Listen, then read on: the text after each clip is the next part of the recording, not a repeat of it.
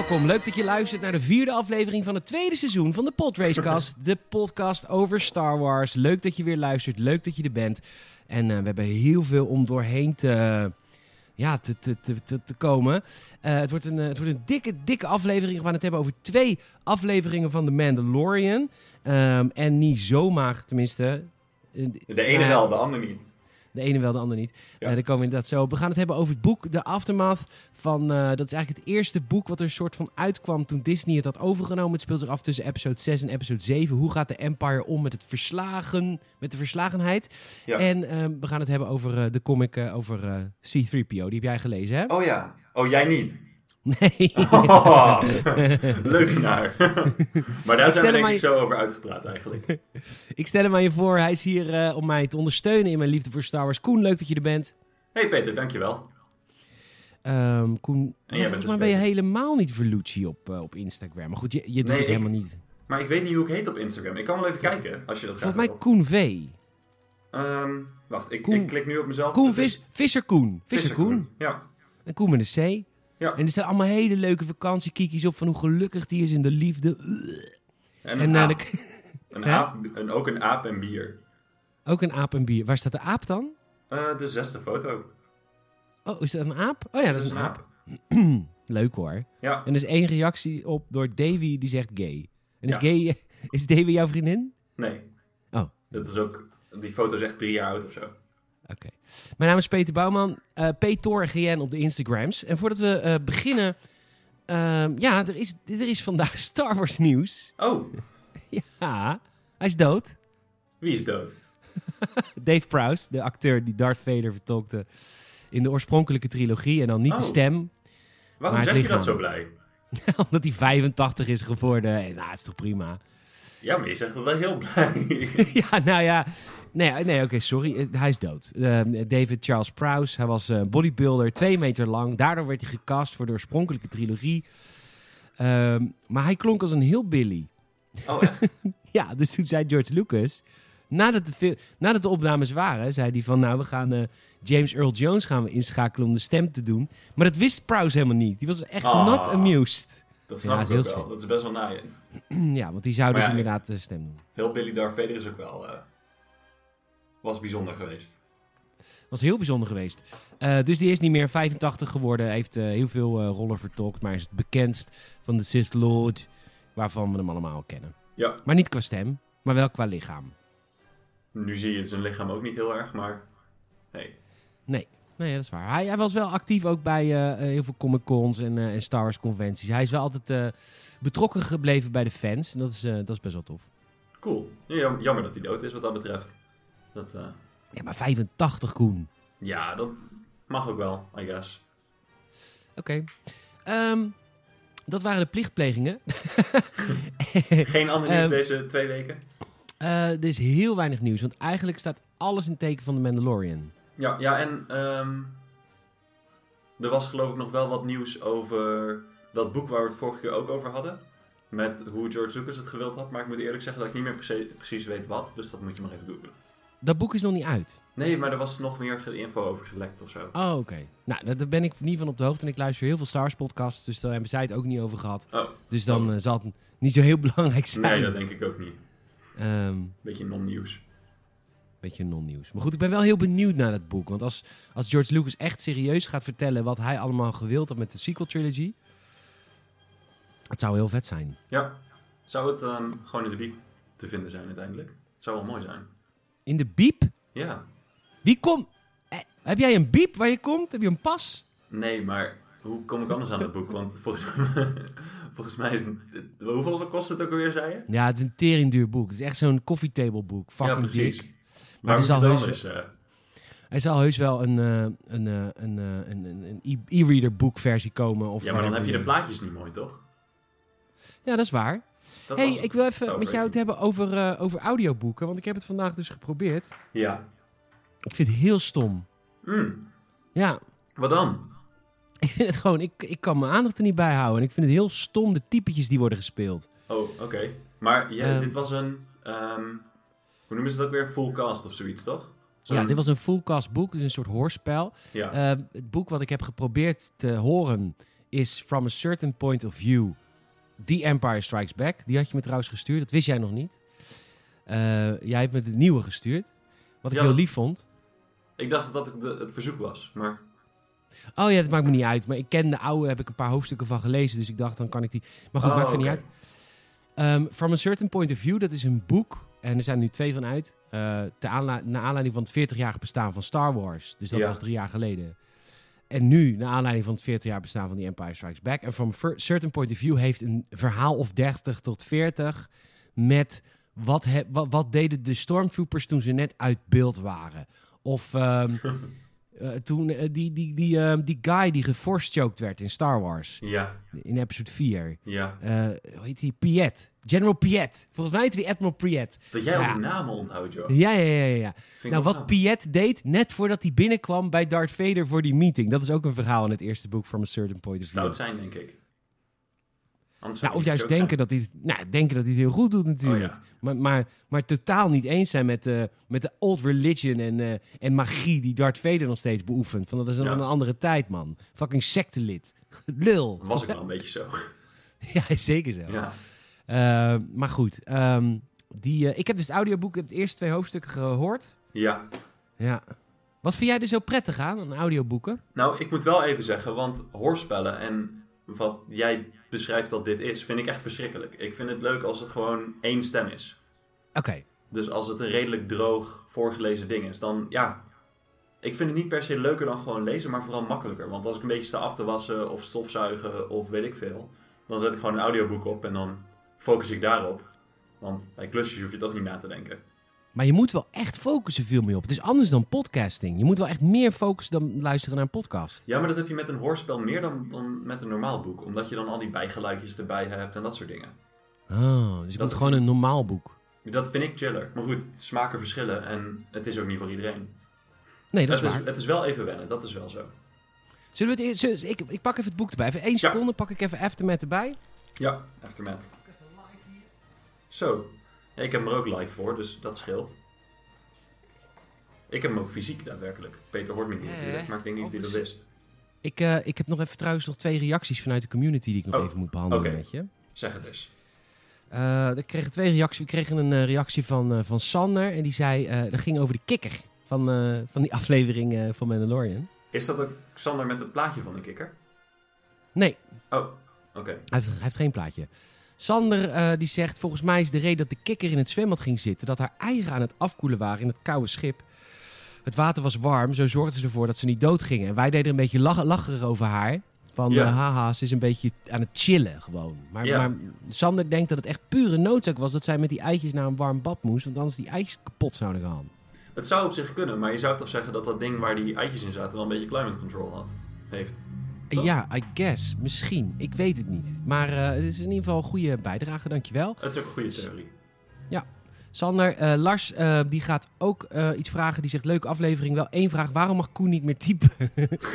ik vind het persoonlijk veel fijner dat hij gewoon dingen kan opzoeken... waar jullie even niet opkomen... dan dat je eerst een minuut moet denken over het antwoord... en deze ook altijd niet, of niet altijd weet. Ik, ik wil het wel demonstreren, maar Ja, doe maar. Doe maar even laten horen. Zal, Ehm, zoek even iets op. ja, is goed. Eh, hoe, heet de, hoe heet de wiki ook alweer? Dan pak ik die direct voor. Ja, Wikipedia. Wikipedia. Zo.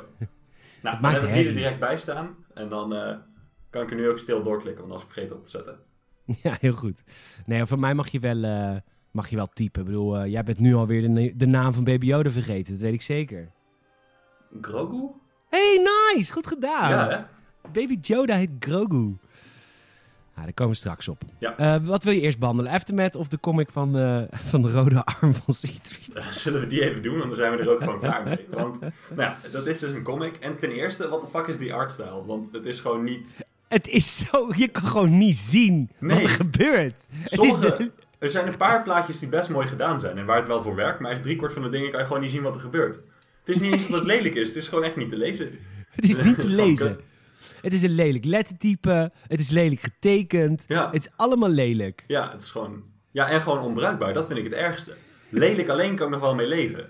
Als het verhaal goed is of zo. Maar dit is gewoon... Dit, dit werkt het actief tegen. Maar we- En- heb- begrijp je uiteindelijk wel wat er is gebeurd? Ja, echt helemaal niks. Want...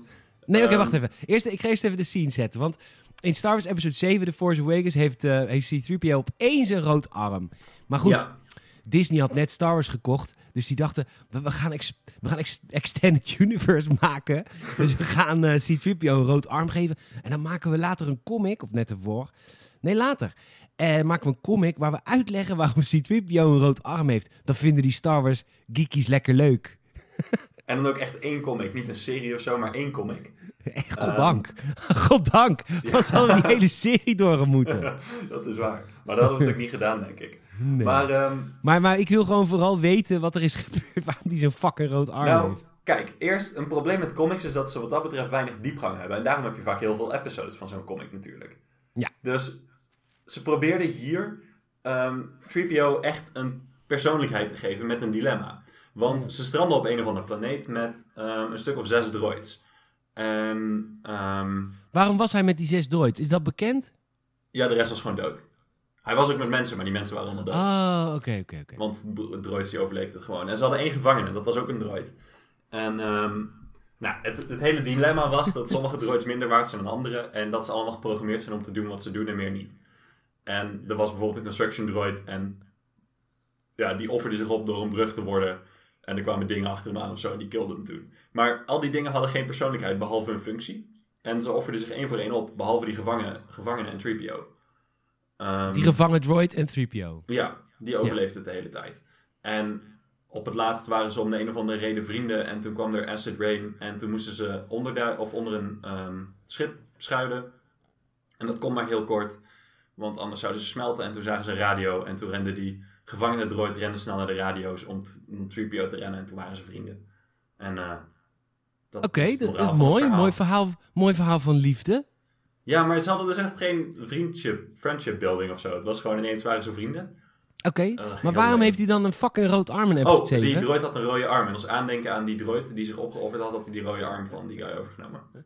Want 3PO was zelf een keer zijn arm kwijt of zo, ik weet niet meer. Ja, ja in, episode, eh, in episode 5 natuurlijk.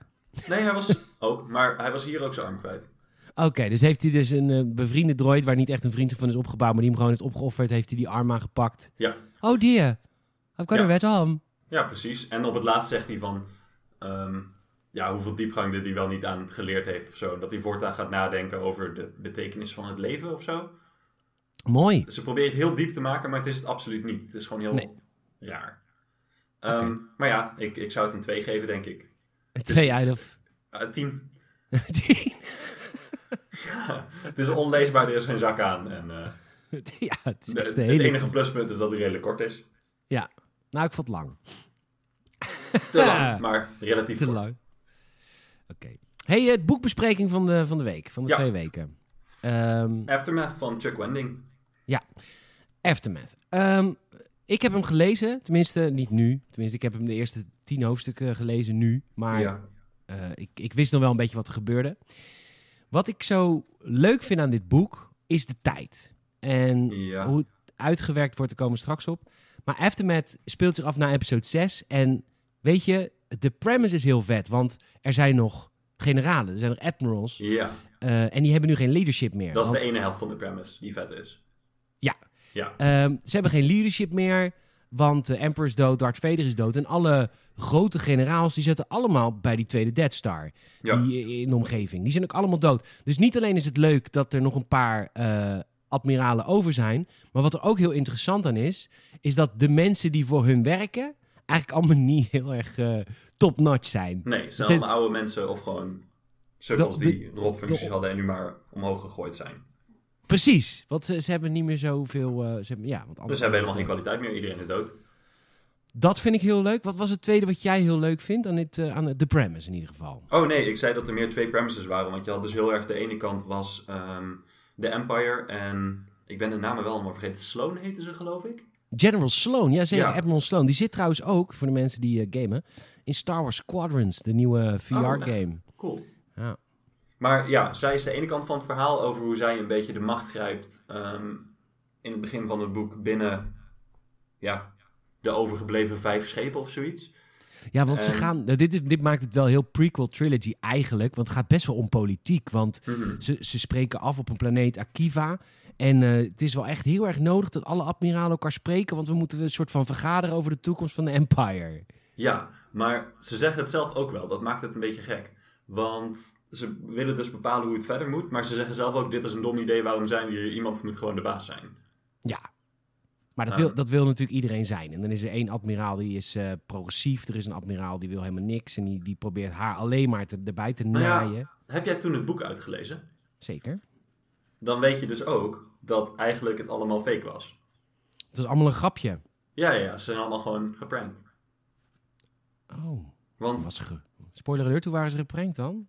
ehm, nou, Sloan. Ja, Sloan die had het juist. Maar Sloan die was gewoon de hele tijd in... in ehm, stond onder het commando van eh, de Emperor.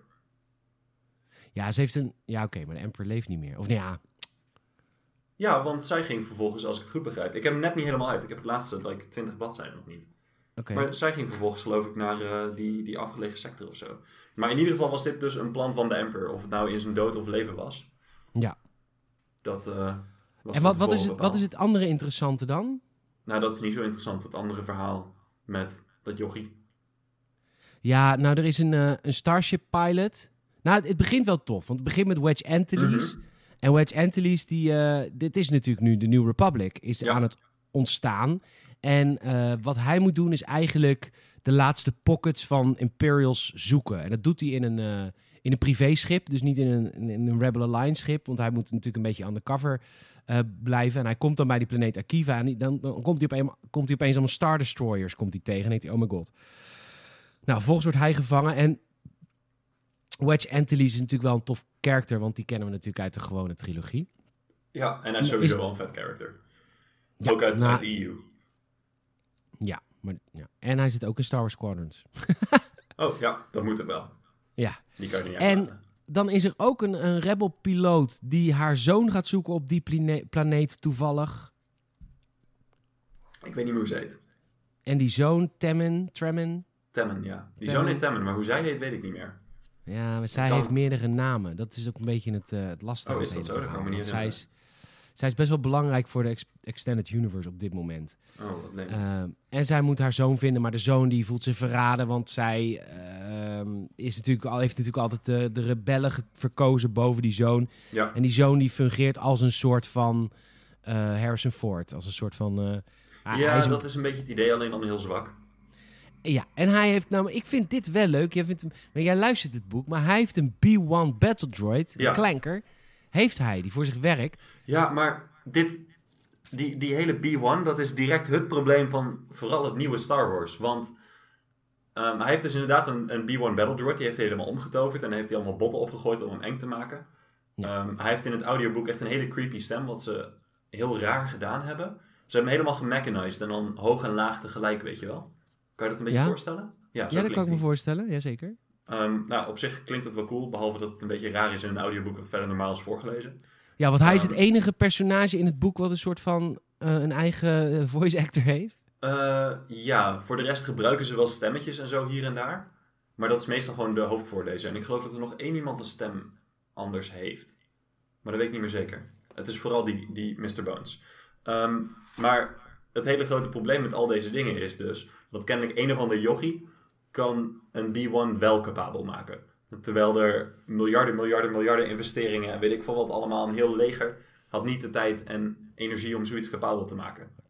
Maar ze wilden toch ook niet meer droids capabel maken, omdat droids inferieur zijn aan clones en stormtroopers. Dat, daar is er ook helemaal geen moeite meer voor gedaan. Kijk, hij moest het, want hij heeft zo'n ding gevonden. Maar waarom zou het niet direct goed gedaan kunnen zijn dan? Omdat ze, dat was, wilde de Empire helemaal niet. Die, maar je kan als, stel je voor, je bent eh, eh, eh, de, de, de democratisch verkozen leider van de republiek, hè, Palpatine. Ehm, en, en je hebt net een oorlog gevoerd tussen de clones en de battle droids. Je kunt naar het publiek toe dan nooit meer droids gaan gebruiken. Nee, nee, nee, maar ik bedoel voor die oorlog.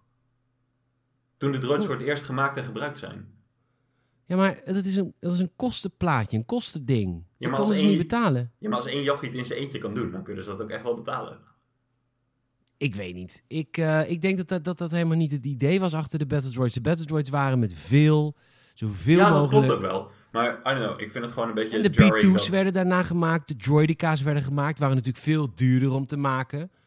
Maar de Ja, maar B1's hebben ze... Kennelijk was een of andere super simpele patch die een jochie van, hoe oud is hij, 15 of zo? Een Die- ja. Software upgrade. ja, maar dat is ook alles wat hij had, ja. Ja, hij heeft botten erop geplakt, maar ik denk niet dat hij veel toevoegde. Heb jij de stem van die, van die droid? Want ik hoorde hem net wel één zinnetje bij je zeggen. Nee, ik heb de stem niet. Oh, ik dacht dat je dat, je dat via je mobiel kon laten horen. Want Ja, maar ik kon het niet vinden. je hebt hem, ik hoorde hem Ja. net. Nee. Oh, hm. dat was Misschien- gewoon jij. Heel. Ja, dat denk ik. Ik denk dat je misschien mijn blikje bier hoorde waar ik langs schoot. Ah, Oké. Hé, hey, maar eh, Star Wars Aftermath, moeten mensen dit lezen? Meh. Nee, hè, je vindt het een te kinderachtig boek, zei je. Ja, ik kan er ook niet helemaal achter komen voor wie, voor wie het nou geschreven is. Want... Oh, ehm, Chronicles of Narnia effect. Voor wie is het gemaakt? Ja, precies. Want aan de ene kant is het, zeg maar, je hebt de alcoholist Sinjar, wat niet echt een kinderonderwerp is of zo. Hij Ehm, is wel cool trouwens. Dat wil ik wel even vertellen. Zijn eerste scène is episch. Hij, is een, eh, hij werkte vroeger voor de Empire. En eh, hij, toen, hij was op Endor. Op het Ja. moment dat Endor werd verslagen. En hij is hem er gewoon tussenuit getiefd. hij is gewoon, gewoon wegwezen hier. Gierende banden. en hij eh, leeft nu ondergedoken als ex... Hij zegt tegen niemand natuurlijk dat hij Imperial was. Ja, Als ex-Imperial. En hij zit heel dag te zuipen. En... eh, nou, vervolgens komen er dan Imperials binnen. En nou, het is best wel grappig. Ik, vind hem echt ook- wel leuk. Ja, hij is wel leuk. Hij, is een, eh, hij was een, ehm, hoe heet het? Loyalty officer. Ja, hij, hij, was, hij, hij naaide mensen erbij. Ja, precies. Dat was echt 100% zijn job. En dat heeft hij het ook steeds over. En dat, volgens mij moet hij erg getraumatiseerd zijn, is het een beetje het idee. Interne onderzoek. Ja. Niemand vond hem aardig natuurlijk. Nee, iedereen haat hem. En hij, hij gaat op een gegeven moment ook weer tegen mensen praten. En die schrikken zich ook helemaal de tering. Tegen niet Imperials. Maar ja, aan de ene kant heb je hem. En dat is best een volwassen onderwerp. De politiek is ook heel volwassen. Maar dan heb je zeg maar het hele Temmen-verhaal. En dat is heel kinderachtig. Maar ook weer op zo'n manier geschreven dat een kind nooit zo zou denken. Dus ja, ik weet het niet zo goed. Is het niet... Heeft Chuck, Mhm. Chuck Wending het niet gewoon goed? Want, laten we heel eerlijk zijn, George Lucas deed dit ook. George Lucas had een hele volwassen politieke achtergrond. Maar, Ja. maar had ook altijd personages die te kut waren voor woorden. Jar Jar Binks, C-3PO. maar jij het dan niet mee eens, weet ik. Maar hij had, hij, eh, de, de Ewoks. Hij had altijd ook wel personages die voor kinderen aantrekkelijk waren. Maar had altijd wel een achterliggend volwassen thema. Ja, maar hij deed het wel goed, want hij kon die balans wel vinden. En Hij deed dat niet altijd goed. ook niet altijd, maar in ieder geval in de, de eh 4, 5, 6 wel bijvoorbeeld. maar, en- ja. Over het algemeen ging het wel prima. De, de main verhaallijn was eigenlijk altijd wel prima. En dat is het hier gewoon niet. Ehm, ja, voor mij laat het te wensen over. Maar het is ook niet slecht of zo. Maar het is niet heel erg de moeite waard. Ik vond het een beetje zwak. Het, het voegde niet zo heel veel toe aan het verhaal van Star Wars. Of aan, qua worldbuilding ook niet. Ehm, Eindigt het boek ook niet op Jakku? Of is dat pas aan het einde van deel 3? dat weet ik niet zeker. Ja, dat is een trilogie, hè, dit ook nog eens. Ja, klopt. Ik moet het laatste uurtje nog luisteren. Dus ik heb het Maar toen wel het- gelezen, maar ik ben vergeten hoe het afloopt. het leuke eraan is, vind ik, is dat je het begin ziet van de New Republic. Mon Mothma zit erin, Akbar zit Ja. erin. eh Leia zit erin. Zit Leia erin? Volgens mij is Leia er ook. Mm, Eh, ja, een heel klein beetje dacht ik. Oh, maar dat vind ik wel leuk. nog iets geks. Die interludes, hè. Ze hebben steeds stukjes ertussen, tussen de hoofdstukken. Ja. En volgens mij moest hij die gewoon, Chuck, moest Chuck ze gewoon erin schrijven. Heeft hij gewoon copy-paste van, ehm, wie zal het zijn? George. Nee, het is niet George natuurlijk, maar... Die iemand interludes zijn raar. Ja, want ze passen helemaal niet bij het verhaal. Letterlijk, Nee. ze hebben niks met het verhaal te maken. Dat is niet, niet overdreven of zo. Die interludes laten zien wat er op dat moment ergens anders in het universum gebeurt, maar heeft niks te maken met het verhaal. Nee, Kun je En gewoon echt- overslaan. Ja, echt helemaal niks. En het, het grappige is dat dat wel het grootste stukje worldbuilding is uit het hele boek. Want- Dat is waar die Mon Mothma en zo in voorkomen. Ja, precies. Het voegt wel wat toe aan het universum van Star Wars, maar niet aan het boek. Maar volgens mij moest hij die er gewoon in plakken. Dat is mijn theorie. Dat hij die gewoon toegestuurd heeft gekregen en dat hij een paar punten moest noemen. En dat hij dat maar zo gedaan heeft of zo. Hm. Want anders, waarom zou het erin zitten? Geen idee. Nee. Misschien gewoon om even te laten zien wat er nu aan de hand is nu de Empire niet meer ruled over de galaxy. Wat er op plekjes in, eh, in het universum aan de hand is. Worldbuilding, wat je zegt. Ja, maar Dat is wel leuk, want in een van die interludes is Terrace. En Terrace was een planeet van Knights of the Old Republic. Die is even bij dit boek gewoon even weer in canon. Hoppa. ja, dat klopt. Ik vond de interludes ook wel grappig geschreven en zo. Maar ze passen gewoon niet bij het verhaal. Dus ik denk dat hij er gewoon in moest plakken. Dat Disney graag een paar dingen weer kennen wilde hebben en zo. En dat dit de manier was. Hm. Maar goed, misschien heb ik het fout. Wat vond jij ervan dan, Peter? Nou, de eerste keer dat ik vind Temmen dus wel een leuk karakter. Maar ik ben dus, misschien ben ik, ik ben, dat heb ik volgens mij in de eerste seizoen van de Podracecast al een beetje gemerkt. Maar dat durf ik dan eigenlijk niet te zeggen. Maar ik kan gewoon niet zo goed, eh, ik ben gewoon niet zo volwassen lezer als jij, denk ik. Dus ik vind het altijd wel leuk als het een beetje teenage geschreven is. Denk ik, oh. Want ja, daar ben ik natuurlijk mee opgegroeid met tekenfilms en shit. En ik kan wel gewoon prima Engels lezen, maar op een of andere manier, als het te zwaar wordt, dan heb ik altijd zoiets pff. Dus dan vind ik het altijd wel fijn dat er een, eh, een ventje in het boek zit die een B-1 Battle Droid heeft omgebouwd met botten en shit. Ik vind dat wel cool. En ik neem dat dan niet, dus dat ik dan denk, dat is voor kids. Want dat, boek, dat is het boek echt niet, hoor. Het is Nee, geen maar- young adult novel. Nee, dat bedoel ik. Dus daarom kon ik niet zo goed plaatsen voor wie het was. Maar het is, het is op zich, ja, het is ook wel oké. En, ja. Ja, nee, het is op zich oké. Ik moet wel zeggen, dat, dat, dat ik dan ook direct toegeef, ik heb nog nooit deel 2 en 3 gelezen. Dus het is ook niet dat ik het zo vet vond dat ik direct dacht... Nee. Dat had ik natuurlijk met de Darth Bane boeken wel. En ook met de nieuwe eh Thrawn boeken heb ik dat ook gehad. Heb jij de Ofwel- Darth Bane boeken gelezen? Oh, Ja, ik heb alle Darth Bane boeken gelezen. oh cool. En ehm, ook de, de drie nieuwe Thrawn boeken, al is de derde echt heel kut. Maar de eerste twee wel echt heel vet. Die moet ik ook nog lezen. Ja, en nu zeker. Ja, nu zeker inderdaad. Dat is nu belangrijker dan ooit. Ja, goed bruggetje trouwens. Dank je. Zullen we gaan hebben over de Mandalorian? Dat lijkt me een ster- een sterk plan. Mooi. We gaan, naar, eh, we gaan het hebben eerst. eh, mocht je trouwens extra eh, content willen en ons willen horen over jouw aflevering van The Mandalorian heen als audiocommentaar. Dat hebben we op patreon.com slash gamersnet. Kost je deze maand twee piek in de maand. Want we hebben een aanbieding. Black Friday aanbiedingen. Oh, wat leuk. Ja, dus je kan nu voor twee piek kun je de hele maand december alle extra content van Patreon eh, beleven. Dus kan je dan het een keer. Terugluisteren om te kijken of het wat voor je is.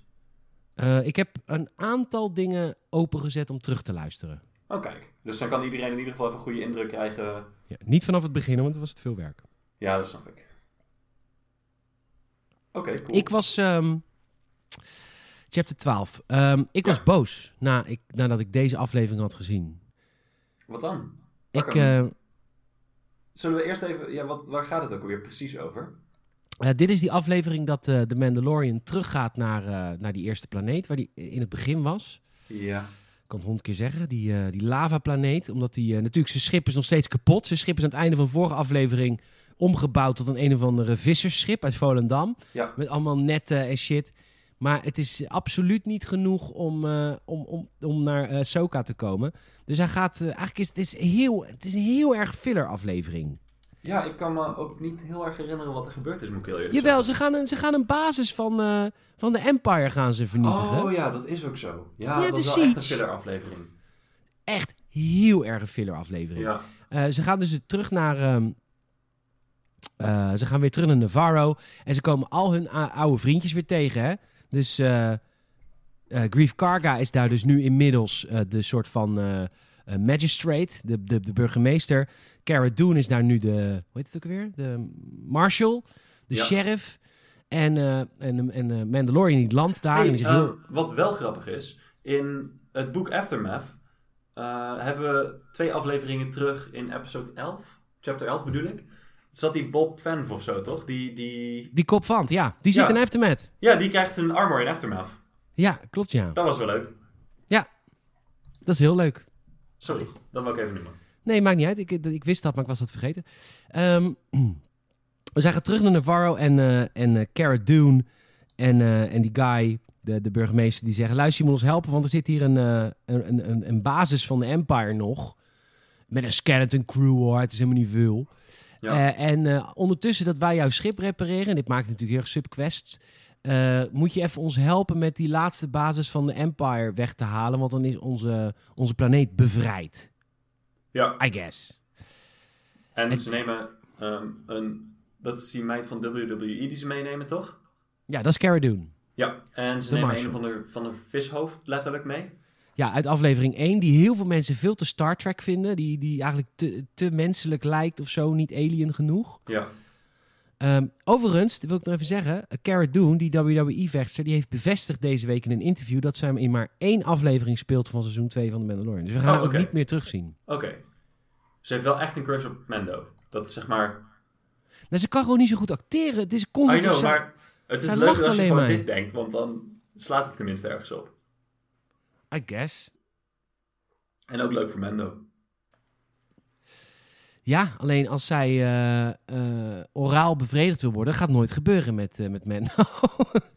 nou, dat moet ze dan maar laten. Dat, dat moet ze dan maar laten. ja. Hij, hij heeft vast wel een of ander high-tech dingetje in zijn armor dat Ja. een goede trilfunctie heeft. ja. De, de Mithril heet die. Wie?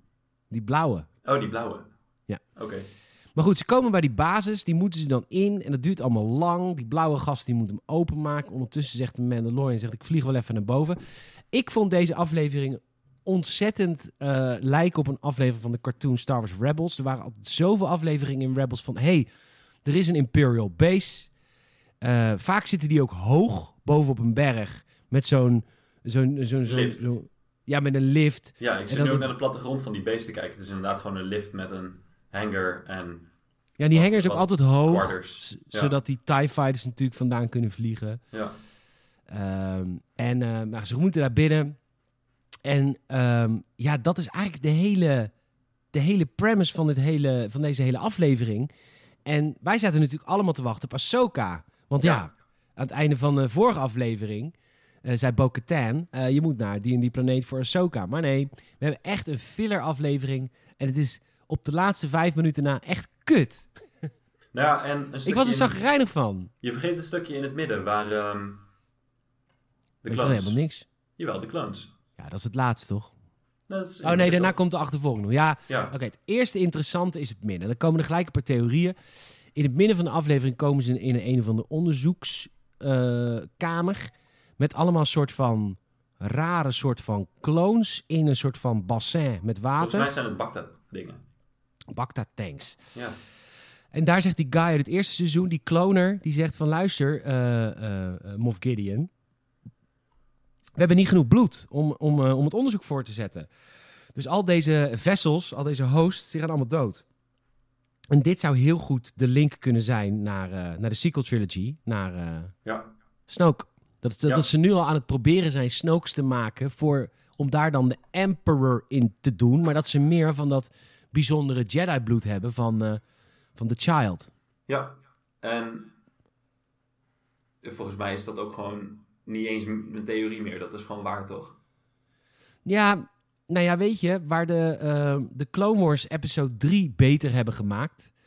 Ja. Eh, want ze hebben Anakin Skywalker in de tekenfilm The Clone Wars echt een persoonlijkheid gegeven. en dat, dat had hij natuurlijk in de films totaal niet. nee. Proberen ze met de Zand niet men- leuk vond. Nee. En proberen ze met The Mandalorian natuurlijk de sequel trilogy te redden. En dit zou een weg kunnen zijn. Maar goed, het is niet bevestigd dat dit allemaal al een soort van Snokes waren. Maar het is wel het onderzoek waarschijnlijk naar hoe ze de Emperor ehm, in een nieuw lichaam kunnen plaatsen. Ja. Want de Emperor is natuurlijk heel erg krachtig. Dus een, een normaal lichaam, die trekt dat niet. Dus ze hebben een... eh, dat, dat, zit, dat zeggen ze trouwens letterlijk. Ze hebben een vessel nodig met een hoge M-count. Nou, dat is natuurlijk midichlorian count. Heel erg prequel. Eh, Heel dus- prequel. heel prequel. Dus ze hebben eh, meer, eh, meer bloed nodig van baby Yoda. Want die heeft natuurlijk een heleboel emmetjes. Die heeft natuurlijk een hoge M-count. Maar zou Baby Yoda dan zijn M-count verliezen omdat hij nu in de Emperor zit? Is dat hoe het werkt? Wordt Baby Yoda hier zwakker van? Nee, baby M-count zit in je bloed. Dat heeft Qui-Gon gezegd in episode 1. Die heeft ja, een, daarom. eh, Maar als ze dan zijn bloed aftappen en de Mandalorians eruit halen... Nee, maar ze gebruiken gewoon letterlijk zijn bloed, neem ik aan. Als een soort bloedtransfusie. Ja, precies. Maar dan, eh, ja, maar nee, dat doen ze natuurlijk gecontroleerd. Als jij, als jij bloed geeft, dan, dan nemen ze niet al je bloed.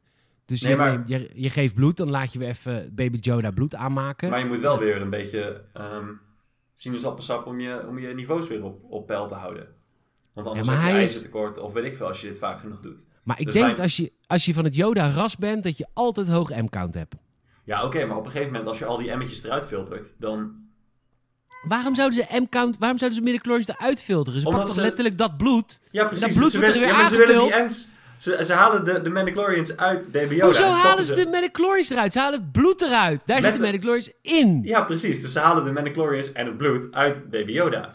totdat het... Tot, ja, maar ze maken hem niet dood. Ze laten hem in leven. Ze geven Ja, hem heel veel voedsel. Het is een soort koe die melk geeft. Ja, maar weten we zeker dat die Mandalorians opnieuw gemaakt kunnen worden? Tuurlijk. Het is Yoda. Het is Yoda-species. Ja, oké. Als jij het zegt, Peter. Ja. Nou goed.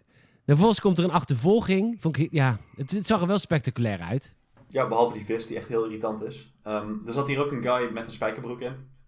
Oh ja, hebben ze die er inmiddels al uitgeknipt of niet? Ja, die ik heb hem namelijk niet... Oh, ik heb hem niet gezien namelijk. Nee, die hebben ze weg, weggeveegd. Wat was het verhaal? Niks, er zat gewoon een guy met een spijkerbroek. In, waar, waar was hij dan? In het gebouw? Of? Ja, in de base. Volgens mij heb ik toevallig net de scène ervoor. Maar ehm, tijdens ons live commentary had ik het er ook al over. Dat al die Empire gebouwen hebben altijd van die gekke eh, schuine wanden. Jij zei heel onpraktisch, zei hij. Ja, dat, die zijn echt super onpraktisch. Tenzij je graag aangevallen wordt. Maar je kan je overal verstoppen en achter Ja. verbergen om te schieten. Ehm, maar er stond zeg maar in een van die hoeken, zag je een spijkerbroek. Nou goed, dat kan gebeuren, want je moet ook wel weten dat het meeste van de editing van deze serie, van het tweede seizoen zeker, is in coronatijd gebeurd. Dus het hebben gewoon gasten thuis gedaan. Eh, een foutje kan gebeuren, toch? Ja, ik vind het wel grappig. Ja, maakt ze menselijk. Hoort er weer een beetje bij juist, toch? Ja, vervolgens komt er een achtervolgingsscène tussen een eh, soort van tank die eh, heel vaak een rol Oh, speelt in. Star Wars Rebels. Ja. En de scout troopers met hun eh, speederbikes. Eh, ja, een van de scouttroopers die gooit zich echt direct op een rots en ontploft. Echt direct. ja, Maar die was eerst wat heel... Die. Die dacht heel cool te zijn. en toen bam. Maar ja, beetje dat is wel een beetje het verhaal van de stormtroopers in deze serie. Ja, ze zijn echt heel dom. Ze zijn maar ook ik vond het dan wel ze een beetje zielig. Ja, ik vond het ook zielig. Ze Die heeft ook, die heeft ook een vrouw en en dan- kinderen, hè? Ja, precies. En dan eh, vervolgens eh, schakelen alle scouttroopers uit en dan komen er nog vier TIE Fighters achter ze aan Ja, die totaal eens- niet kunnen schieten. Eén scouttrooper is wel echt badass, die springt op de tank. Ja, Maar die wordt dan echt door dat anti-air cannon op een halve meter afstand neergeschoten. niks van heel. Nee, Het is wel altijd vet om TIE Fighters te zien, vind ik. Ondanks Ja. dat het een beetje filler is. ja, TIE toch- fighters zijn cool. Die, I don't know, gewoon lekker schieten. Ja, maar dat kan er niet echt. Nee. Hij schiet constant mis. Zij Ja. ook trouwens. Ja, En dan, eh, iedereen. En dan komt de Mandalorian komt met zijn Razor Crest, komt, eh, Ze komt ze redden. allemaal, ja, komt ze redden. Ja, ik vind Die- nog steeds, ze zitten dus, ze worden achtervolgd door ehm TIE fighters in een tank. Ik vind dat ze gewoon even keihard op de rem hadden moeten trappen, want dan zitten ze tenminste achter de TIE fighters. Ja, maar dat, dat, ze zijn te dom ervoor, denk ik. Ja, dat denk ik ook. Je zou zeggen dat die ene meid dat wel moet weten, maar goed. Hè? Dan Beetje komen we bij de laatste scène, want eh, die is wel belangrijk. Want ten eerste komt de New Republic komt even onderzoek doen naar... Oké, er waren hier Imperials en eh, de Mandalorian was hier ook waarschijnlijk de Razor Crest. En wordt dan ontkend. Maar je ziet hier wel een beetje dat de New Republic echt als een beetje ambtenarij, politieagenten onderzoek doen naar waar er nog Imperials zijn. Ja. Ook al is Mando helemaal geen Imperial, en dat weten ze ook. Maar Nee, maar ze weten ook dat er Imperials waren, want daar, klopt, daar vragen klopt. ze ook over. Ja. En hij vraagt eh, aan Cara Dune ehm, of, of ze wil joinen bij de New Republic. Nou, dat wil ze niet. En hier komen we er ook achter dat zij van Alderaan is. Nou, Alderaan wordt natuurlijk vernietigd in episode 4, dus zij is iedereen kwijt. En, eh, nou ja, alleen op de wereld. alleen op de wereld. Zielig. Ja, een soort Remy. En dan komt de vetste scène. Van de, ja, begint op eh, minuut 33, dan wordt het leuk. Ehm, ten eerste wordt, wordt hier bekend dat eh, er een tracking device op de Razor Crest is gezet door een van de reparateurs. Oh ja, dat was ik al helemaal vergeten. Dus Moff Gideon weet waar de Mandalorian is. Wat een korte aflevering trouwens. Ja, Hij is best wel. 35 minuten. Nog niet eens. En we komen er hier achter dat Moff Gideon, eh, deze heten volgens mij Dark Troopers. Ze komen uit Extended Ja. Universe. Volgens mij ook. hoor. Dark Troopers, ja, Dark Troopers zijn eh, eh, robotische droid stormtroopers. En Die dit is kunnen- natuurlijk... Die kunnen lekker in tweeën gehakt worden door Ahsoka. Of een andere Jedi. Of een andere Jedi. Oh ja, er moet natuurlijk een andere komen. Ehm, Ja, die, je ziet dat er een heel eh, leeg aan Dark Troopers wordt gemaakt. Dat komt echt uit de Extended Universe. Dat is wel tof. Dat halen ze nu weer naar het hier. En ehm, ja, in- dan waar- uit, uit de huidige EU of uit... ehm, nee, uit de oude EU. Oh, echt Legends? Uit Legends, ja zeker. Oh, cool. Dark. Troopers zaten volgens mij ook in Dark Forces, de videogame, met Kyle Katarn. Ja. Eh, en ook, volgens mij, ook in de eerste Thrawn trilogy. Dat denk ik ook, ja, maar dat weet ik niet meer zeker. Niet heel prominent.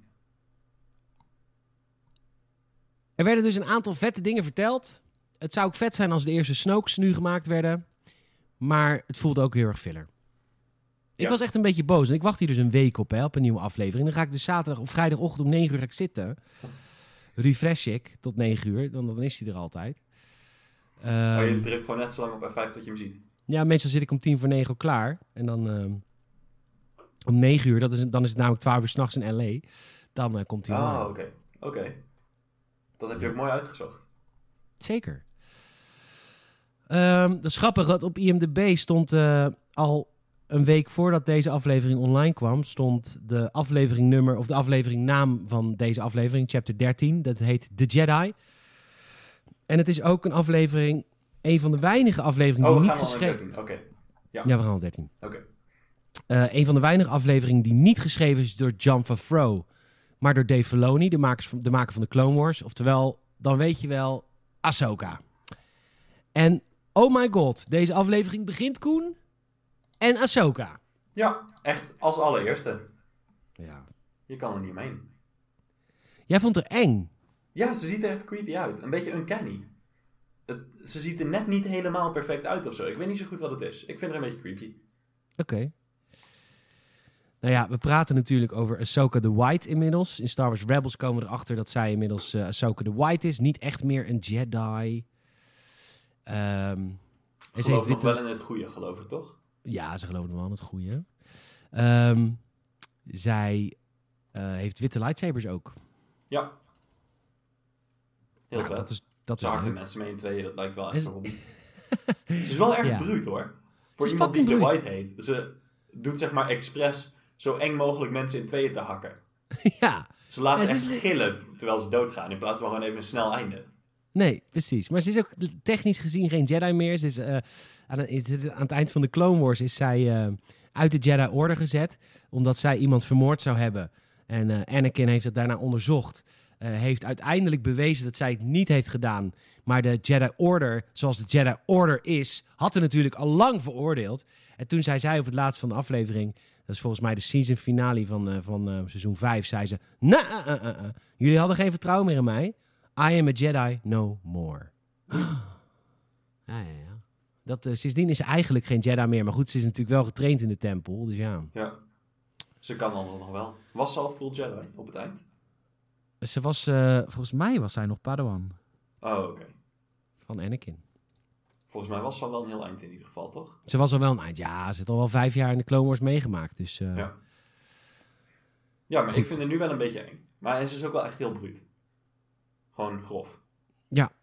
zij eh, komt, eh, zij zit op Corvus, een planeet. En daar is een soort dorpje onder het... Kraai, toch? Huh? Kraai betekent dat toch? Corvus. Corvus betekent... Oh, dat weet ik niet. Is dat zo? Volgens mij wel. Oké. En eh, dat dorpje dat is onder het eh, strenge bewind van eh, een karakter uit een Roald. Morgan Elsbeth. Hoezo uit een Roald Dahl boek? Dat is toch geen Star Wars naam? Morgan Elsbeth. Oh nee, zo. Nee, echt helemaal niet. Heel Brits. En, ehm, maar zij wil van haar iets weten. Zij wil weten van Morgan Elsbeth. Waar is jouw master? Dat wil eh Ahsoka weten. Nou goed.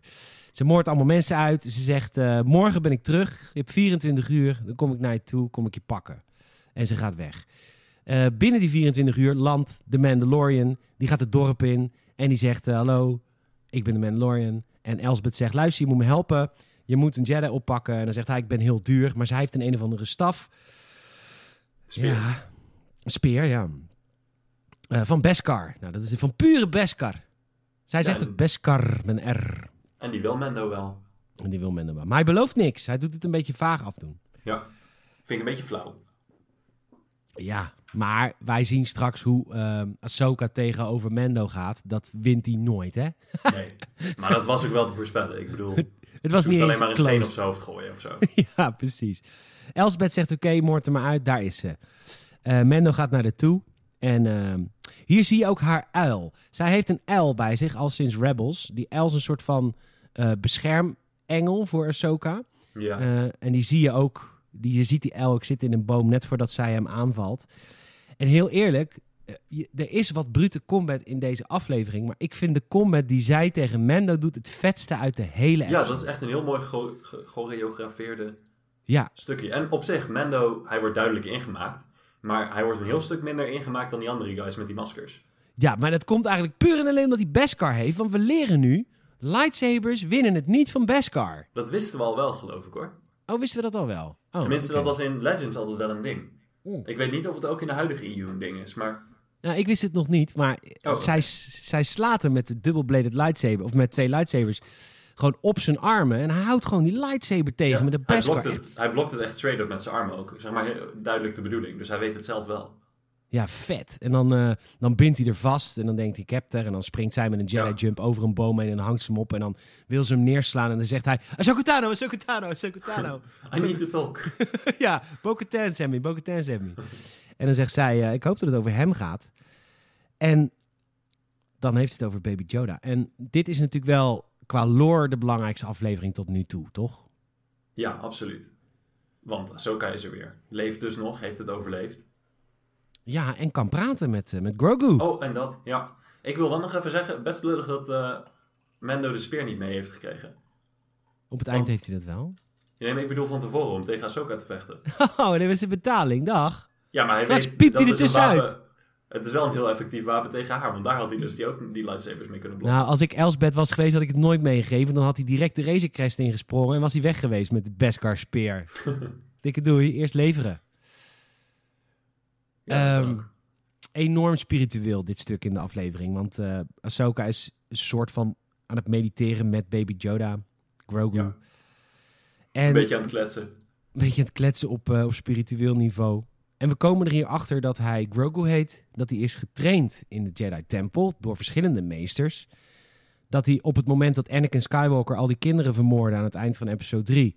dat hij is verborgen, meegenomen. Dat hij zijn krachten heeft verborgen om niet te worden opgespoord door Darth Vader en Cornuiten. Ja. Heel veel info. En dat hij Mando als een papa ziet. Ja, want eh, zij gaat testen wat hij allemaal... Hij moet dingen kunnen. Eh, steen Force. overpakken Ja. met de Force. Gewoon een beetje balletje opgooien. Dat wilde hij niet met haar, maar dat wilde hij uiteindelijk wel met hem. Nou ja, of hij het nou met hem wil of dat hij eigenlijk gewoon het balletje wil, dat... Zat in Ja, van de versnellingspook. ja, het was een versnellingspook inderdaad. Ja. Vond hij wel heel mooi shiny.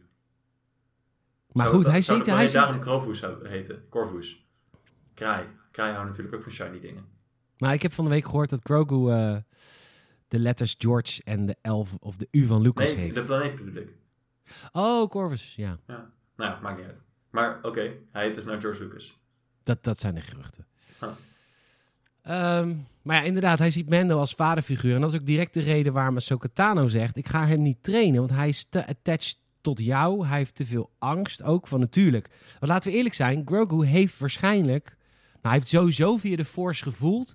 dat al zijn kindervriendjes zijn vermoord door Anakin. Ja, Daar is hij bij geweest. Of hij het gezien heeft, dat weet ik niet. Maar hij zal eh, flink getraumatiseerd zijn in ieder geval. dit is, hij is heel zielig wezen, eigenlijk.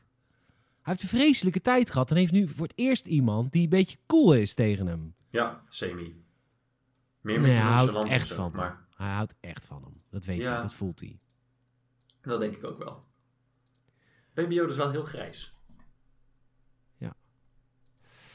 Ehm, Maar ze zegt wel, ik ga hem niet trainen. Maar ze zegt wel dat iemand anders dat nog misschien wel kan doen. En dat is ook heel belangrijk. zeker. Ze besluiten samen te team-uppen. Een Mandalorian en een Jedi. Dat zijn natuurlijk van oudsher aardsvijanden van vroeger. Een Mandalorian en een Jedi, dat verwachten ze nooit. Als ik jou help, Ahsoka, dan ehm, moet jij hem trainen. En hier eh, liegt ze hem gewoon voor. Ja. Ha! Echte Jedi way, hè? Liegen. Dat doen Ja. de Jedi's altijd. Liegen over alles. Dat mag wel. En nu komen we in het zijn samurai... gewoon kut. Ja, Jedi's zijn echt kut. Ze zijn echt leugenaars. Oh, dit had ik niet Ehm, verwacht dat jij dat zou zeggen, dat Jedi's kut waren. ja, ik ben helemaal om. Ik We ben hebben echt nu al helemaal... record. Nice. Ik ben Ja. blij. Dus jij bent ook ben- Dark Side. eh, Ja, ik vind Palpatine is de verkozen leider van het universum. goed zo. En, en door, door eh Mace Windu heeft dus eigenlijk een staatsgreep willen plegen door hem te willen arre- arresteren. Want hij is verkozen. Ja, dan komt het wel op neer. Wel een beetje onder valse voor, voorwenselen. Maar Nou, ik weet niet hoor. We komen bij de, de, de samurai-achtige gedeelte van deze, van deze aflevering. Heel, het, het gevecht in het stadje is heel erg samurai en heel ja, erg het is wel echt een hele epische scène. Ik vind het echt heel vet gedaan, die combat. Want zij, zij, zij doet een beetje guerrilla warfare. Ja, en wat ik zei, ze is echt bruut. Op een gegeven moment ehm, vindt ze twee gastjes die naast elkaar staan, die op haar aan het jagen zijn. En ze doet super langzaam de blade open. En hakt ze echt zo grof in tweeën dat je al bij krijzend wordt doodgaan. Niet heel PG-13, wel heel vet. Fucking vet. Ja, daar kon ik wel van genieten. Ehm, ja, deze scène, ja, ik zie hem, ja. Vet. Ja, dat is een Ehm, vet stuk toch? Ja, het is echt een heel vet stuk, ja. Overigens zijn er ook twee droids. Eh Elsbeth heeft twee droids. Dit hoorde ik later in een podcast. Op de zijkant van het hoofd van deze twee battle droids, die overigens HK-80 heten, is ook weer een Legends dingetje. Want eh, in eh, Knights of the Old Republic, de game, heb je ook een droid. Eh, HK nog wat. Dat is die fucking vette droid die zegt... May I please kill them, master? Ja. May you please kill that filth, master? Constant. ja, daar is dit dus... Een reference naar. Ja. Ja, maar qua combat is het echt vet gedaan. Het is gewoon een mooie scène ook. Ehm, ze hebben supergoed worldbuilding gedaan. In het commentary hebben we het er ook even over. Maar ehm, ze hebben heel mooi de gebouwen gemaakt en de hele sfeer van, sfeer van het stadje goed gedaan. ja. En het toch nog laten voelen als eh, iets waar wij aan kunnen relateren. Ik vind het echt heel cool gedaan. Jij vond het Vissersdorpje twee afleveringen geleden te menselijk, zei je. Ja, dat te jij hier niet. Nee, helemaal niet. Dit is echt heel cool alien gedaan. Je voelt het, het voelt gewoon heel erg Star Wars en tegelijkertijd wel heel relateerbaar. relateerbaar. En dat vond ik echt leuk. Ja. Je zag ook de angst in de, in de ogen van iedereen. En die rare guys met hun maskers op waren ook vet. Want die eh, waren geloof ik gewoon ingehuurd en ingevlogen omdat ze goedkoper waren of zo. Of om iedereen te onderdrukken. Die konden ook gewoon niet ademen daar, neem ik aan. Daarom ze wel maskers opgehaald hebben. En die werden toen allemaal twee gehaakt. Die, eh, die, oh ja, die HK-droids die hebben dus, eh, dat is even belangrijk, ik ga nog niet vertellen waarom, maar die hebben op de zijkant van hun masker dus het logo van de Seventh Fleet van de Empire. Oké, Ja. daar komen we straks op terug. Er zijn ook nog een paar mensen super vet gevangen. Die zitten in een soort kooi. En als een soort van terugblik naar episode 6, waar Darth Vader en de Emperor allebei ook een soort van geëlectrocuteerd worden en dat je hun botjes ziet. Ja, Zie je dat hier wel ook? leuk. ja. Wel zielig. Ahsoka gaat het gevecht aan met Elsbeth. En hier blijkt dat Elsbeth... eh, ja, ja, getraind is. Ik weet niet in de Force, maar wel in het vechten met zijn staf. Ja, ze kan het aardig. En Als- Ahsoka... als- als- Ja? Sorry. Nee, zeg maar. Nou ja, Ahsoka vraagt ook, where is your master? Ze vraagt niet, waar is je general? Ze vraagt niet, waar is je admiral? Ze vraagt, waar is your master? Dat is wel een ding. Dat is iets wat, wat Sith en Jedi onderling tegen elkaar zeggen. Ik vind het raar. Is dat niet gewoon Ahsoka die een beetje raar geworden is? Hmm, nee. Hier, denk, hier denkt Dave Filoni wel over na. Dus jij denkt dat Tarkin... Nou, Nee, ik denk dat, eh, dat zij misschien niet in de Jedi-way of in de Sith-way is getraind door haar meester, maar wel een bepaald soort vechtstijl is aangeleerd. Als jij judo leert, dan leer je dat ook van je judo-leraar Ja, en niet van je admiraal. Ja. Dus zij ze kan ook meer. goed vechten. Ja, ze kan heel goed vechten. Het is jammer dat Ahsoka geen pistooltje mee had, want dan was het zo voorbij. Maar Maar dan zegt eh, Obi-Wan Kenobi ook in episode 3, so uncivilized, als die eh, eh, Grievous doodschiet. ja, eh, a civilized weapon for a more civilized time Ja, zijn die lightsabers toch? Dus, eh, zeker. En terwijl zij aan het vechten zijn, staan Mendo en... Haar second in command. Ja, haar soldaatje, huursoldaat, staan gewoon een beetje buiten een Mexican standoff te hebben. Ja, dit is heel tof, want hier is het heel erg samurai met Ahsoka en Els Elsbeth. En bij de Mandalorian is het heel erg western. Ja. Die hebben echt Dus- gewoon een Mexican standoff. Die staan elkaar een beetje onder schot te houden. En natuurlijk wint Mando. Nou ja, eerst zegt hij, dat vind ik, dit vind ik een heel stuk, eh, vet stukje dialoog. Want ze horen achter de poorten, horen ze Ahsoka en Elsbeth vechten. En hij zegt dan ook, ja, wie denk je dat er wint? Die van jou of die van mij? En dan uiteindelijk horen ze eh, de staf vallen van, van Elsbeth. En dan zegt die guy, oké, ik denk dat die van jou heeft gewonnen, Mando. En dan wil hij zijn wapen neerleggen en dan wil hij toch zijn gun pakken. En dan nou, wint Mando. Ja, die Eh. was er natuurlijk al helemaal klaar voor. tuurlijk. Hij legt zijn gun ook neer. Alleen hij heeft gewoon nog een stiekem pistooltje ergens verstopt. Ja, zijn laars of zo. Ja. Eh, en dan is er nog één droid van de 7th eh, eh, Army, 7th Fleet, die, die Mendo heel veel kapot schiet. Maar de hoogtepunt, of het, hoog, nou, het hoogtepunt, het is wel heftig. Ik vind het wel heftig hoe snel het nu gaat met... We gaan dingen uit de tekenfilms en uit de boeken overhevelen. Het begon in, in seizoen 1 met simpelweg een Loth Cat, een, een katje die, eh, die een rol speelt in, in Star Wars Rebels. En in seizoen 2 gaan we van Bo-Katan naar, eh naar Ahsoka Tano. En aan het eind van de aflevering vraagt ze Elsbeth, where's your master? Where's Grand Admiral Thrawn? Ook een, van de boekenreeks, maar ook uit Star Wars Rebels. Ja. Het wordt nu wel, het komt nu wel allemaal heel erg in, eh, in live action. ja, ze proberen echt een heleboel canon en ook vooral populair te maken, zeg maar. Of weer een ding. Meer dan Wat vind jij daarvan? Ja, Fran is echt awesome, dus dat vind ik wel mooi. Ja. En ze doen het ook niet heel geforceerd of zo. Het voelt allemaal wel prima. Ik denk ook niet dat we dit, deze kweesten van, eh van Ahsoka naar Thrawn verder gaan zien in The Mandalorian. Ik denk dat dat een eigen serie wordt. Jij denkt een spin-off. Het zou Ja. best kunnen. Vooral omdat hij nu weer weggaat van Ahsoka.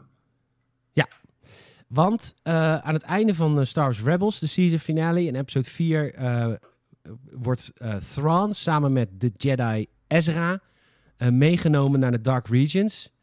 En sindsdien heeft Ahsoka gezworen om hem, Ezra, op te sporen. Dat is nu drie jaar geleden. Ehm, ze heeft hem dus nog niet gevonden. Maar ze is dus nog... Ik dacht dat het veel meer was. Nou, eh, wacht even. Rebels seizoenfinale is... Ja, het is drie tot, tot, drie tot zes jaar. Oh, oké. Dat valt nog heel erg mee. Maar goed, ze is dus nog steeds op zoek. Eh, Admiral Thrawn, voor de mensen die het niet weten, is een, eh, een, eh, een alien. En dat was heel bijzonder voor de Emperor om een alien in dienst te nemen. Maar een alien uit de Dark Regions. En de, de band tussen Thrawn en de Emperor is... De Emperor wil heel graag weten wat er in de Dark Regions gebeurt. Daar kunnen mensen niet heen vliegen. Dat is niet met Star Charge te zien. Ehm Thrawn komt daar vandaan. De Emperor wil graag dat Thrawn hem helpt om de, de Unknown Regions een beetje te kennen. Aan de andere kant ziet Thrawn in de Emperor een enorm gevaar voor zijn eigen volk. Want de Emperor is de Empire. Dus hij denkt, wij kunnen een gevecht met de Emperor nooit winnen. Dus wat doe ik? Ik align me met deze man. Ik stel mijn diensten ter beschikking. Ik ben een meesterstrateeg. En in de hoop dat de Emperor dan zijn volk ontziet als de Emperor straks de Dark Regions ontdekt. En dat is de nieuwe Thrawn trilogy voor ja. Oké. En dat is echt heel vet, want de, de band tussen de Emperor en Thrawn is heel anders dan die tussen Darth Vader en de Emperor. Want bij Darth Vader en de Emperor is het natuurlijk heel erg master en, eh, en apprentice. Ja. Maar bij Thrawn en de Emperor is het echt mutual respect. Ze zijn elkaar ook altijd een beetje aan het aftasten. Want Thrawn wil niet zeggen waar zijn volk is. En de Emperor zegt, ja maar wacht maar totdat ik straks de route ontdek daar naartoe. Dan ben jij de lul. En dan zegt Thrawn, Ah. dat, is dat is letterlijk waarom ik het je niet vertel. Maar ik wil jou wel helpen te groeien in jouw gedeelte van de space. Dus superleuke ehm, connectie hebben die. Oh, Dat is wel heel vet. Wat dat betreft ook wel logisch. Want Fran heeft natuurlijk hele andere dingen te bieden dan de Emperor waarschijnlijk zal kunnen. Kan ik Precies. voorstellen. Eh, hij is dus geen Jedi, hij heeft geen force powers, maar hij is wel machtig. Want hij weet iets wat de Emperor wil weten, maar niet weet. Ja, maar ook qua, qua skillset gewoon. Want eh, wat je zegt, Fran is echt een masterstrateeg. En dat is bijvoorbeeld iets wat Darth Vader niet kan bieden. Darth Vader is gewoon Lomp. een, nou, ja, een, een Emperor 0.8, zeg maar. Ja, ja, zeker. Die wordt ooit de Emperor, maar is het nog niet. Of dat, tenminste, dat was het idee. Hij is dood. Maar Dit, dit heeft overigens ook een leuk linkje naar episode 9. Ehm, ik wil onze luisteraars het- even het volgende beloven. Als de Mandalorian seizoen 2 afgelopen is, gaan eh, Koen en ik eh, Star Wars episode 9 samen kijken. En dan gaan we Ja. daar een special over maken. voor mij voor het eerst ook. Ja, ehm, maar goed, daar heeft dit ook een linkje mee. Dus dat is wel eh, grappig. Moet ik dan Fran al gelezen hebben? Eh, nee, het prima is niet zo... hoor, maar- Ja, het- als je het leuk vindt, maar het is niet zo... Het, Thrawn zit niet in episode 9 of zo, maar de, de- Oh, nu, we, nu we dit weten, is er wel een linkje te leggen. Oké, nou, ik ga het alsnog luisteren, want ik vond het tof. Het einde van de aflevering, eh ja, Soka is gewoon een fucking leugenaar. Die zegt gewoon, nee, eh, ik ga hem niet trainen, want hij ziet jou als vader, Grogu. Ja, en zij weet wat er dan mis kan gaan allemaal. Ja, want zij, zij verwijst je natuurlijk naar de eigen meester Anakin, Darth Vader. Zij, heeft, zij zegt letterlijk, ik heb de grootste Jedi, heb ik gewoon kapot zien gaan door, naar de dark side. En ehm, Dus ik wil hem niet trainen. En dan zegt hij, what the fuck? Ik heb jou geholpen, ik heb mijn my end of the bargain gehouden, kut. En dan zegt ze, oké. eh, Hier heb je de speer nu niet meer zeuren. Nee, ze zegt nu, ga naar Tython. En Tython is nu ook opeens weer canon. Nou, er was ook canon volgens mij in een Dr. Afra comic. Maar Ja, dat geloof ik ook, ja. ga naar Tython. Tython is de, de eerste Jedi-planeet. Daar is een Jedi-tempel. En dan zet Grogu op, een sea, op de Seeing Stone. Dit vond ik heel erg eh, Harry Potter, maar prima. Zet Grogu op de Seeing Stone at the top of the mountain. En dan als hij dan zijn Jedi-krachten gebruikt, als hij zich openstelt aan de Force, dan komt er misschien een Jedi hem ophalen om hem te trainen. Want die voelt dat dan, I guess. Ja, dat was letterlijk wat ze zei. Die voelt dat dan, I guess, ja. yes, then he feels like that, I guess. Yes, Heel onzeker. yes. Ehm, en nu is het natuurlijk speculeren, want ja, wie dat is. ik denk niet dat we überhaupt een clue hebben, of wel? Dat kunnen er gewoon niet zoveel zijn. Is dat zo? Luke is op dit moment een Jedi eh, trainingscentrum aan het bouwen. Ja, precies. Ja, er zijn ook... Ja, Mace Windu wordt, Mace Windu wordt genoemd. oh, dat zou echt heel leem zijn. Hoezo? Mace Windu? Ja. Mace, Mace Windu heeft nog één arm, is naar beneden geflikkerd. Maar eh, Samuel L. Jackson is openlijk aan het solliciteren al jarenlang om weer terug te komen in de rol van Mace Windu. Zou die dat Ja, je mag, je mag typen. Je mag typen. Ja, ik was ook al aan het typen. Zou hij dat geheim kunnen houden? Dat denk ik niet namelijk. Ja, ook dat weet ik wel zeker dat hij dat kan. Hmm. Samuel L. Jackson is wel heel cool, maar hij is gewoon niet heel Star Wars. Vind je wel? En hij is gewoon de slechtste Jedi die ooit bestaan heeft. ja, dat ook. Ja. Eh, nou ik bedoel, ja, ik vind die guy, begrijp me niet verkeerd, echt hartstikke cool, maar ik zou het minder vinden als hij terugkomt. ja, maar het is dit of George Lucas of, eh, of Luke Skywalker. Het kunnen niet veel bedoel, Ja, eh, of gewoon echt iemand heel anders. ja, maar Koen, eh, wie als kijker eh, ja, zou je niet. Grogu afgeven? Zou je dat accepteren als kijker als Grogu wordt gegeven aan iemand anders dan, dan wel Skywalker, dan wel Windu? Ik bedoel, Cal Kestis leeft ook nog uit Jedi Fallen Order. Maar goed, daar heeft natuurlijk niemand. Die, die vertrouw je dat niet toe. Die heeft niet het ver- verleden. Nee, er zijn ook gewoon niet zoveel andere grote namen. Nee. Überhaupt namen die gewoon bekend zijn. Dat is jammer. Hm. Nou, oké. Mace Windu dan, denk ik. Ja. Of Luke Skywalker. Ja, maar die, die is dus bezig. Nou ja, die heeft juist leerlingen nodig. En dan is het uiteindelijk waarschijnlijk Kylo Ren die Grogu doodmaakt. Dat zou echt heel sneu zijn. ja, dat zou heel kut zijn, ja. Nee, maar dat hadden we wel in de flashbacks gezien. Want we zagen dat... We hebben de Knights of Ren gezien. Ja, maar dat hadden ze, dat, de, prijs, de, de prijs dan wel recht. Wordt wel Ehm, lastig breien. Nou, ik denk dan Mace Windu toch. Maar... Zou leuk Ehm, dat, eh, er zit een tracking device op, eh, op de Razor Crest. Ja. Hoe vet zou het zijn? Gaat niet gebeuren. Maar hoe vet zou het zijn dat, eh, oké, Mando gaat nu weg. Maar net nadat Mando weg is, landt eh Moff Gideon op Corvus. Met de Darksaber. Die ziet Ahsoka. Nou, Ahsoka maakt al die Dark, die Dark Troopers dood. Die maakt Moff Gideon dood. En heeft Ahsoka de Darksaber voor Bo-Katan. Die op zoek is naar de Darksaber. Hey. Ik dacht eigenlijk eerder dat ehm, zij dan in connectie zou komen met Fran. Of eh, opgepakt en dan bij Fran terecht zou komen. Denk je dat Moff Gideon contact heeft met Thrawn? Dat lijkt me wel. Hmm. Of in ieder geval dat ehm Thrawn bij Moff Gideon mee kan kijken, zeg maar. Ik weet het niet. Of dat nou bewust of onbewust is, maar... Maar dat weet ik ook niet eigenlijk. Er Ik kan, er eh, nog er niet zo bij stilgestaan. er kan van alles gebeuren. Ja. ja. Gelukkig. Ehm, wat een goede aflevering was dit, hè? Ja, dat was echt een hele vette app. Ehm, gewoon super spannend om te kijken, zeg maar. Heel goed in thema. En een heel leuk verhaal. Alles wat je kan wensen. Mee eens. Ehm, Vind je dit de vetste tot nu toe? Ja. Oké, ik ook wel. Ik vond ook dat western sfeertje gewoon heel cool. En dat samurai sfeertje. ja. Gewoon leuk. Ja. Ehm, de volgende aflevering. ehm, is nog geen eh, titel van eh, online gezet. Oh, dit keer Goed. niet. Dit keer niet. Het wel... eh, nee. Zullen Nee, ze daarmee dit- stoppen? Er staat hier wel 40 minuten, maar weten ze, dat weten ze toch niet. Het is toch een Dat placeholder. Een beetje het gemiddelde, denk ik. Ja, ja, ja. Chapter 15 staat ook 40 minuten. En chapter Oké. 16 ook. Ehm, chapter 16, anderhalf uur. Zou vet zijn. Maar nee. Ehm, eh, heb, jij, eh, heb je huiswerk voor mij? Huiswerk? Nee. Heb jij huiswerk voor mij? Ik heb vorige keer een boek uitgekozen. Ja. Ja, dan zou ik het wel leuk vinden als jij begint met Thran. Ja, daar was ik sowieso ook van plan. Dat lijkt me leuk voor de volgende aflevering als jij een beginnetje hebt gemaakt met het eerste boek van Thran. En die heet gewoon Thrawn. Oké, wat ga jij doen dan? Eigenlijk moet je die Tripio comic, comic nog lezen, maar dat wil ik je Ja. niet aan doen. Ja, dat wil ik wel. Maar wat ik nee, ook het heel de graag wil... niet waard. Oké. Ehm, ik wil een leuke comic lezen. Ehm, ja, Darth Vader 2020?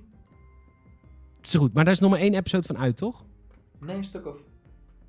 Oh, je bedoelt één, één keer acht of vier of zo. Ook Volgens dat dan... er- Dat, Er zijn acht of negen comics van uit. Oké. De Darth Vader 2020. Leuk, maar die loopt dus nog. Ja, die loopt nog. Leuk. Ik ben Dat, ook bij, dus volgens mij zijn er tegen die tijd negen uit. Goed zo. En dan eh, tegen die tijd hebben we ook weer eh, twee nieuwe Mandalorian afleveringen om doorheen te spitten. Precies. Waarvan waarschijnlijk één filler en één leuke. Als dat nou om en om is, dan is het best een beetje leem. ja. Ehm, bedankt voor het luisteren naar de Podracecast deze week. Eh vinden we echt heel erg tof. Je kunt ons helpen, mond-tot-mond reclame. Heb je Star Wars fans in jouw omgeving? Wij- verwijzen naar deze podcast. Je kunt ook altijd een mailtje sturen als je kritiek hebt of feedback of whatever. Podcast.gamers.nl Want ik weet het, als het over Star Wars gaat, dan zijn er altijd heel veel meningen. En die horen we graag van je. We zijn het ook heel erg... we houden ervan als mensen het met ons oneens zijn. Ja. Ehm, als je ons wil laten groeien in de lijstjes, dan laat je even een review achter bij Apple Podcast Reviews. Eh, dat zouden we echt ontzettend vet vinden. En als jij een audio-commentaar wil van alle afleveringen van The Mandalorian, je moet het zo zien. Wij tellen af. 3, 2, 1, start. En dan starten we tegelijk de aflevering en dan hoor je ons in je oren. En dat is best wel leuk, want ik kijk de aflevering 's ochtends al een keer. Dan ga ik allemaal dingen online opzoeken. En dan s'avonds kijk ik met Koen, zodat je al extra info direct hebt als je de Mandalorian gaat kijken. Ja, ik krijg een heleboel bij altijd. Dat is wel leuk wat dat betreft. Wel handig. Ja. Ehm, Koen, mag ik jou enorm bedanken voor deze week. En jij ook heel erg bedankt, Peter. Ik vond het gezellig. Ik vond het ook heel erg leuk. Luisteraar, jij ook enorm bedankt. En tot over twee weken bij een nieuwe aflevering van de Pod Racecast.